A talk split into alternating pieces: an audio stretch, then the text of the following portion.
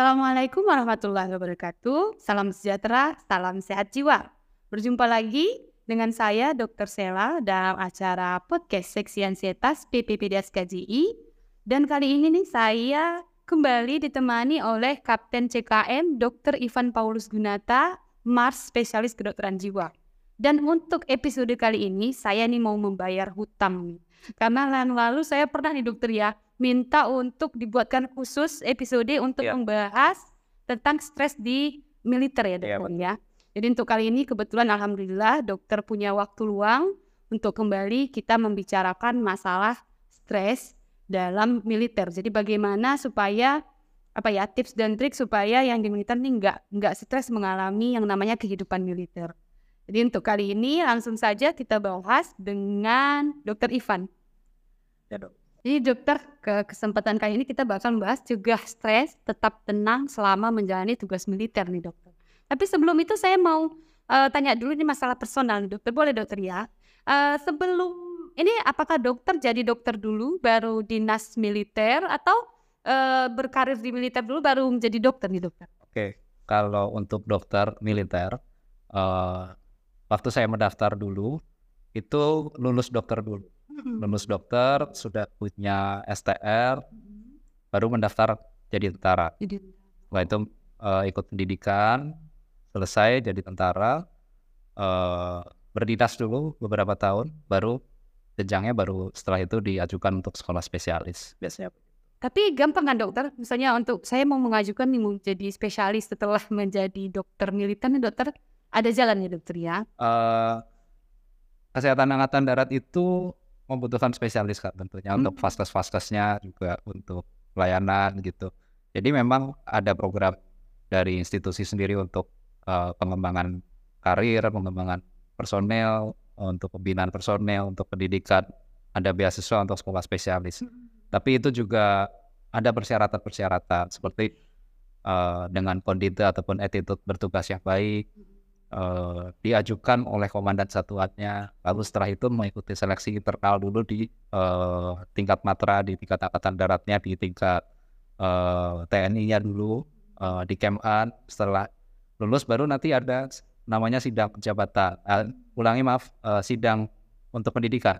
Sidang untuk pendidikan jadi menentukan nanti jurusannya apa, apakah sesuai dengan peminatan kita, cocok nggak nih sama kebutuhan institusi seperti itu. Ada tahapan-tahapannya baru nanti keluar surat untuk boleh mengikuti seleksi di universitas yang dituju. Oh gitu. Da- da- pun memang apa tenaga kesehatan kalau di militer memang punya tempatnya sendiri ya dokter ya. Ada rumah sakit rumah sakit khusus untuk kedinasan ini dokter ya. Ya untuk untuk di militer eh, tenaga kesehatan di ada banyak eh, kategori pangkat juga kan ada tamtama, bintara, perwira gitu dan untuk untuk dokter tidak harus selalu di rumah sakit militer sebenarnya. Memang diutamakan juga untuk pelayanan tujuannya. Tapi Oh. dokter juga harus eh, siap untuk ada di struktur-struktur jabatan untuk memimpin institusi militer ataupun di satuan-satuan tempur juga batalion kesehatan ataupun di kewilayahan di detasemen kesehatan di wilayah hingga struktur-struktur staf di eh, jajaran markas besar itu juga. Jadi eh, jangan selalu berpikir bahwa oh harus nanti ngurusin pasien gitu enggak harus siap juga untuk bahwa tidak praktek juga Jadi karir di militer itu luas ya dokter Iya. ya. Enggak yang sesimpel kerja di rumah sakitnya gitu Iya. dokter ya. Beda nih kita masuk ke topik nih dokter. Jadi masalah kesehatan mental nih di militer kan mungkin apa ya agak jarang. Karena memang kesehatan mental sendiri baru-baru hype nih dokter. Jadi apalagi kesehatan mental di militer. Boleh cerita sedikit nggak dokter eh, gimana sih sebenarnya kesehatan mental di ke ke militeran nih dokter? Iya. Eh, sebenarnya sama saja dengan kesehatan yang lain. Jadi di militer namanya kesehatan itu salah satu oh, aspek penting baik dari tahapan seleksi, masa dinas ataupun untuk sekolah, Iya.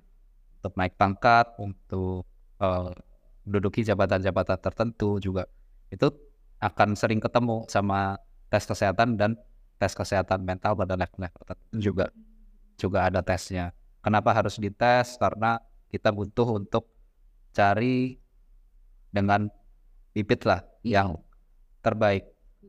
Kalau nggak lulus masuk eh, pada tes awal misalnya, itu bukan berarti dia gangguan jiwa belum tentu juga Iya. tapi kita menilai bahwa dia tidak akan mampu untuk mengikuti uh, pendidikan ataupun tugas-tugas di kemiliteran karena kalau bicara kesehatan mental di kemiliteran itu luas. Jadi baik dari tahap rekrutmen awal uh, tahap pendidikan. Pendidikan juga.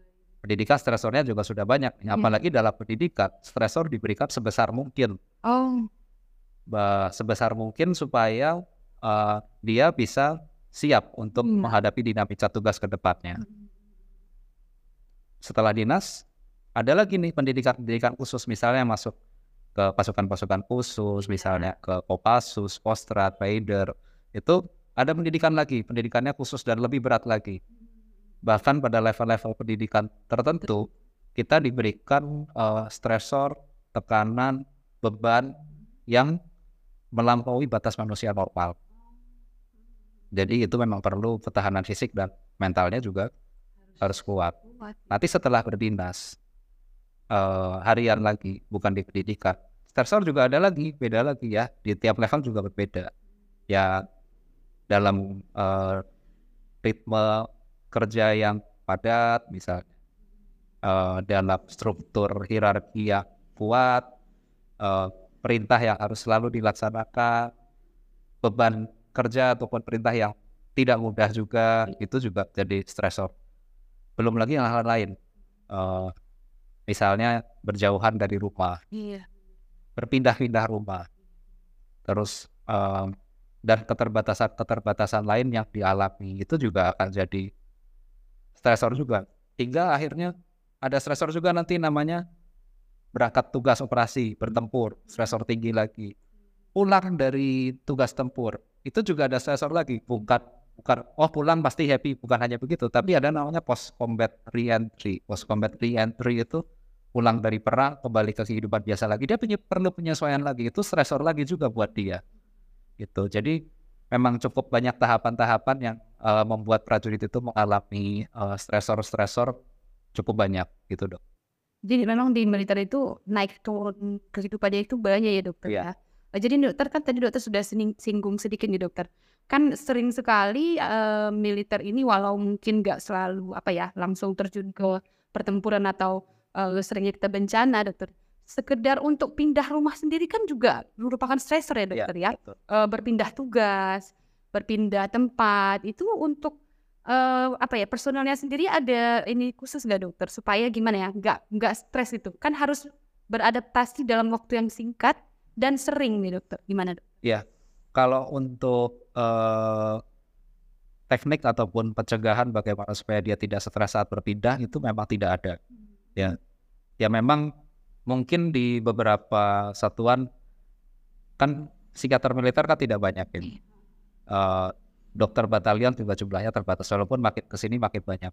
Tugas-tugas dari unsur-unsur kesehatan inilah yang memberikan edukasi kepada satuan masing-masing eh, bagaimana supaya nanti dia siap itu itu eh, adalah sosialisasi ataupun bag- eh, apa hal-hal yang diberikan edukasi yang diberikan untuk agar prajurit tidak mudah mengalami stres Stres, memang ada. ya. Tapi kalau secara spesifik saat hanya untuk eh, tentang bagaimana isu tentang pindah rumah Ya, gitu da- itu memang eh, ya termasuk di dalam situ saja tidak dikhususkan Iya. gitu seperti itu.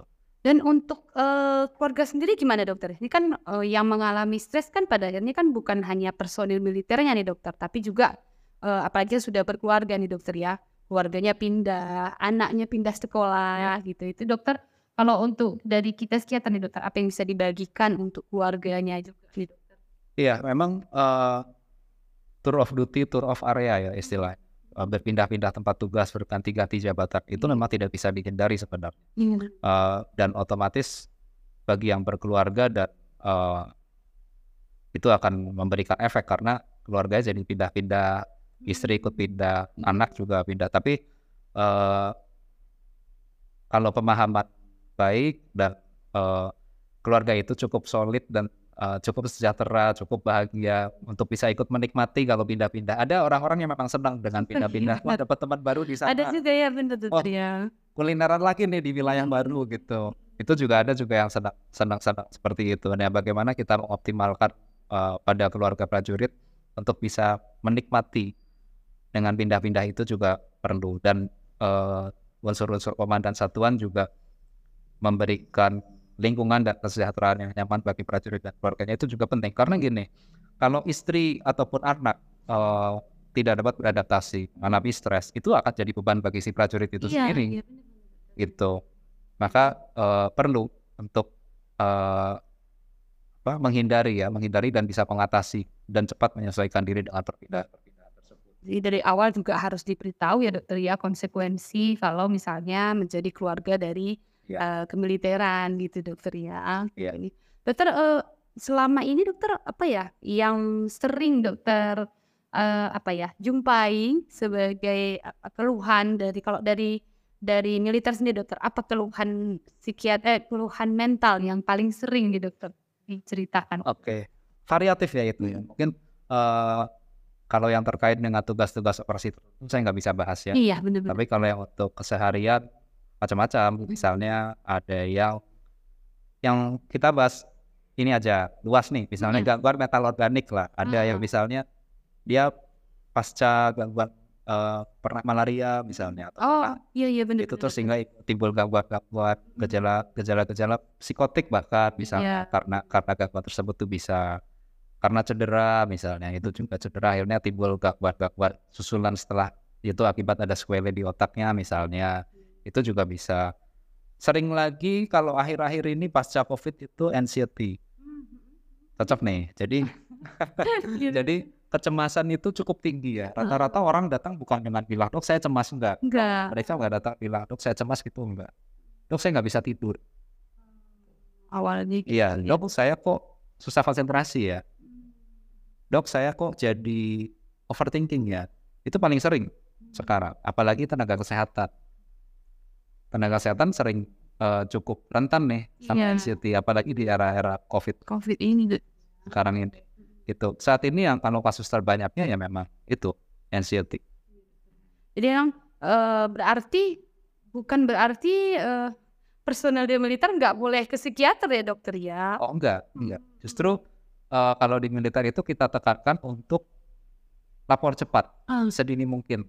Lapor kepada unsur terdekatnya. Kalaupun tidak bisa ke dokter batalionnya, ke teman satu unitnya, ke komandan regunya, eh, dan komandan wajib punya apa ya, punya eh, komunikasi yang baik, punya unsur ataupun faktor supervisi yang kuat ke bawah sehingga eh, bisa ketahui nih anggota ini punya problem apa, anggota ini kenapa gitu. Jadi nggak melulu oh ini se- saya seorang TNI saya harus kuat saya nggak boleh itu tuh nggak ada ya Nah. stigma itu ya Ada ada paradigma begitu bahwa oh kalau tentara ah nggak boleh sakit, iya tentara ah banyak banyak kali ngeluh kau misalnya Ah, begitu iya, bisa. atau ah lemah kamu gitu misalnya. Ada mungkin di eh, pada zaman-zaman dahulu memang memang kadang serba salah juga. Iya. Itu memang harus kita eh, bentuk untuk dia tidak mudah mengeluh. Memang, tapi memang kita, memang kita juga harus bisa memonitor juga bahwa ini ngeluh beneran karena dia sudah tidak mampu iya atau memang dia yang banyak mengeluh gitu. Itu yang memang eh, perlu lebih jeli untuk eh, unsur-unsur terdekatnya bisa membedakan itu. Ya, dokter tadi bahas betul sering membahas tentang eh, supervisi dari atasan, kemudian ada apa ya, ada mekanisme kayaknya memang tentara itu kan identik dengan kompak gitu dokter ya, seringnya beregu satu batalion itu memang udah kayak keluarga gitu dokter. Berarti itu sebenarnya apa ya punya peran penting untuk menjaga kesehatan mental itu sendiri dokter. Iya, eh, untuk menjaga kesehatan mental itu penting dan di militer karena ada jiwa korsa itu. Merasa satuannya, eh, lingkungannya, kawan terdekatnya itu seperti keluarga, maka penanganan psikiatri pada prajurit sedikit berbeda dengan pada orang-orang yang bukan tentara. Misalnya dalam beberapa hal ya, misalnya kalau orang eh, dijauhkan dari stresor memang perlu gitu. Misalnya pada tentara cara menjauhkan dari stresornya gimana? Apakah harus di rumah terus? Justru tidak. Enggak. Kalau tentara itu dia akan banyak lebih happy kalau berada di lingkungan satuannya, di prajuritnya. Sel- Selama itu lingkungan yang nyaman buat dia ya. Iya. Selama bukan di situlah stresornya. Gitu. Jadi eh, saya lebih coba mempersingkat waktu rawat inap di rumah sakit misalnya Oh, itu segera mungkin dikembalikan ke satuan walaupun secara bertahap tidak langsung mengikuti kegiatan, Iya. tapi pulang dulu ke satuan. Itu kasus-kasus tertentu ya, tidak semua kasus. Itu akan memberikan impact yang lebih baik karena eh, penanganan di militer itu ada namanya unsur ada namanya biceps. Singkatan B-nya itu brevity, kecekatan gitu. Itu eh, semakin cepat dia dikembalikan ke satuan Satuannya. ke lingkungannya itu eh, akan lebih memberikan impact yang bagus untuk beberapa kasus. Memang ada beberapa yang berbeda ya dokter. Iya, kita harus cekatan dalam menangani brevity itu dan kita juga harus tahu kapan dia harus eh, kembali lagi ke lingkungannya lingkungannya. Gitu. Jadi memang eh, apa penting kembali untuk ke ke kesatuannya gitu ya. Karena memang lingkungan itu udah kayak keluarga gitu. Iya. Ya. Karena mungkin dia lebih nyaman kalau langsung kembali ke teman-temannya. Iya, gitu. karena itulah dia merasa itulah keluarganya. Di dokter, ini banyak sekali ilmu yang hari ini apa ya saya selama ini kan karena saya kan orang luar nih dokter ya kan, jadi kan nggak tahu ternyata di dalam itu apa ya banyak sekali walaupun ini usaha untuk meminimalisir hal-hal yang kita anggap sebagai apa ya gangguan mental ini tadi dokter. Jadi nggak sementara se apa semerta-merta langsung udah masuk ya udah gitu dibiarkan, tapi memang ada mekanisme secara keseluruhan sampai ke keluarganya nih dokter ya. Iya, betul. Dan memang yang tadi dalam biceps itu banyak kita ya, tidak bahas satu persatu ya, tapi Mhm. memang unsur seberapa cepat dia kembali ke, ke lingkungannya itu memang eh, hal yang perlu dipertimbangkan. Baik dokter, Ya, terima kasih banyak dokter sudah membuka wawasan nih dokter mengenai apa ya lebih mengenal dekat aparat nih dokter karena memang kan jarang sekali nih dibahas eh, tentang apa ya kehidupan di dalam dari aparat itu baik itu TNI ataupun Polri nih dokter. Dan ini juga berarti untuk eh, apa ya tenaga me- tenaga medis, tenaga kesehatan yang mau eh, berkarir di dinas ini terbuka lebar ya dokter ya. Iya, Hmm. karena eh, setiap tahun kan dibuka rekrutmen untuk tenaga kesehatan untuk berdinas di TNI. Karena memang kebutuhannya kan juga cukup tinggi. Iya. Itu ya bervariasi lah kuota-kuota dan eh, jurusannya memang setiap tahunnya kan disesuaikan dengan kebutuhan dan anggaran biasanya. Tapi kesempatan selalu terbuka sih untuk yang memenuhi syarat ya. Iya, mengingat eh, begitu luasnya ke eh, apa perkariran di di militer itu sendiri Iya. dokter ya, seperti yang dokter sampaikan di awal. Jadi terima kasih banyak nih dokter untuk kesekian kalinya Ya. karena sudah mau berbagi ilmu, sharing pengalaman juga dokter eh, untuk yang mau mendengarkan dan menonton di YouTube. Eh, jadi kalau misalnya di dokter ada yang perlu nih, perlu konsultasi atau perlu berjumpa eh, untuk membicarakan masalah kesehatan mental dengan dokter nih dokter, ini ke mana ya kita bisa menjumpai? Oke, eh, pada jam dinas saya di Rumah Sakit Tingkat Putri Hijau Medan, Eh, lalu sore di Rumah Sakit Hermiana Medan dan by appointment di Klinik Hario Jalan Sumatera Medan.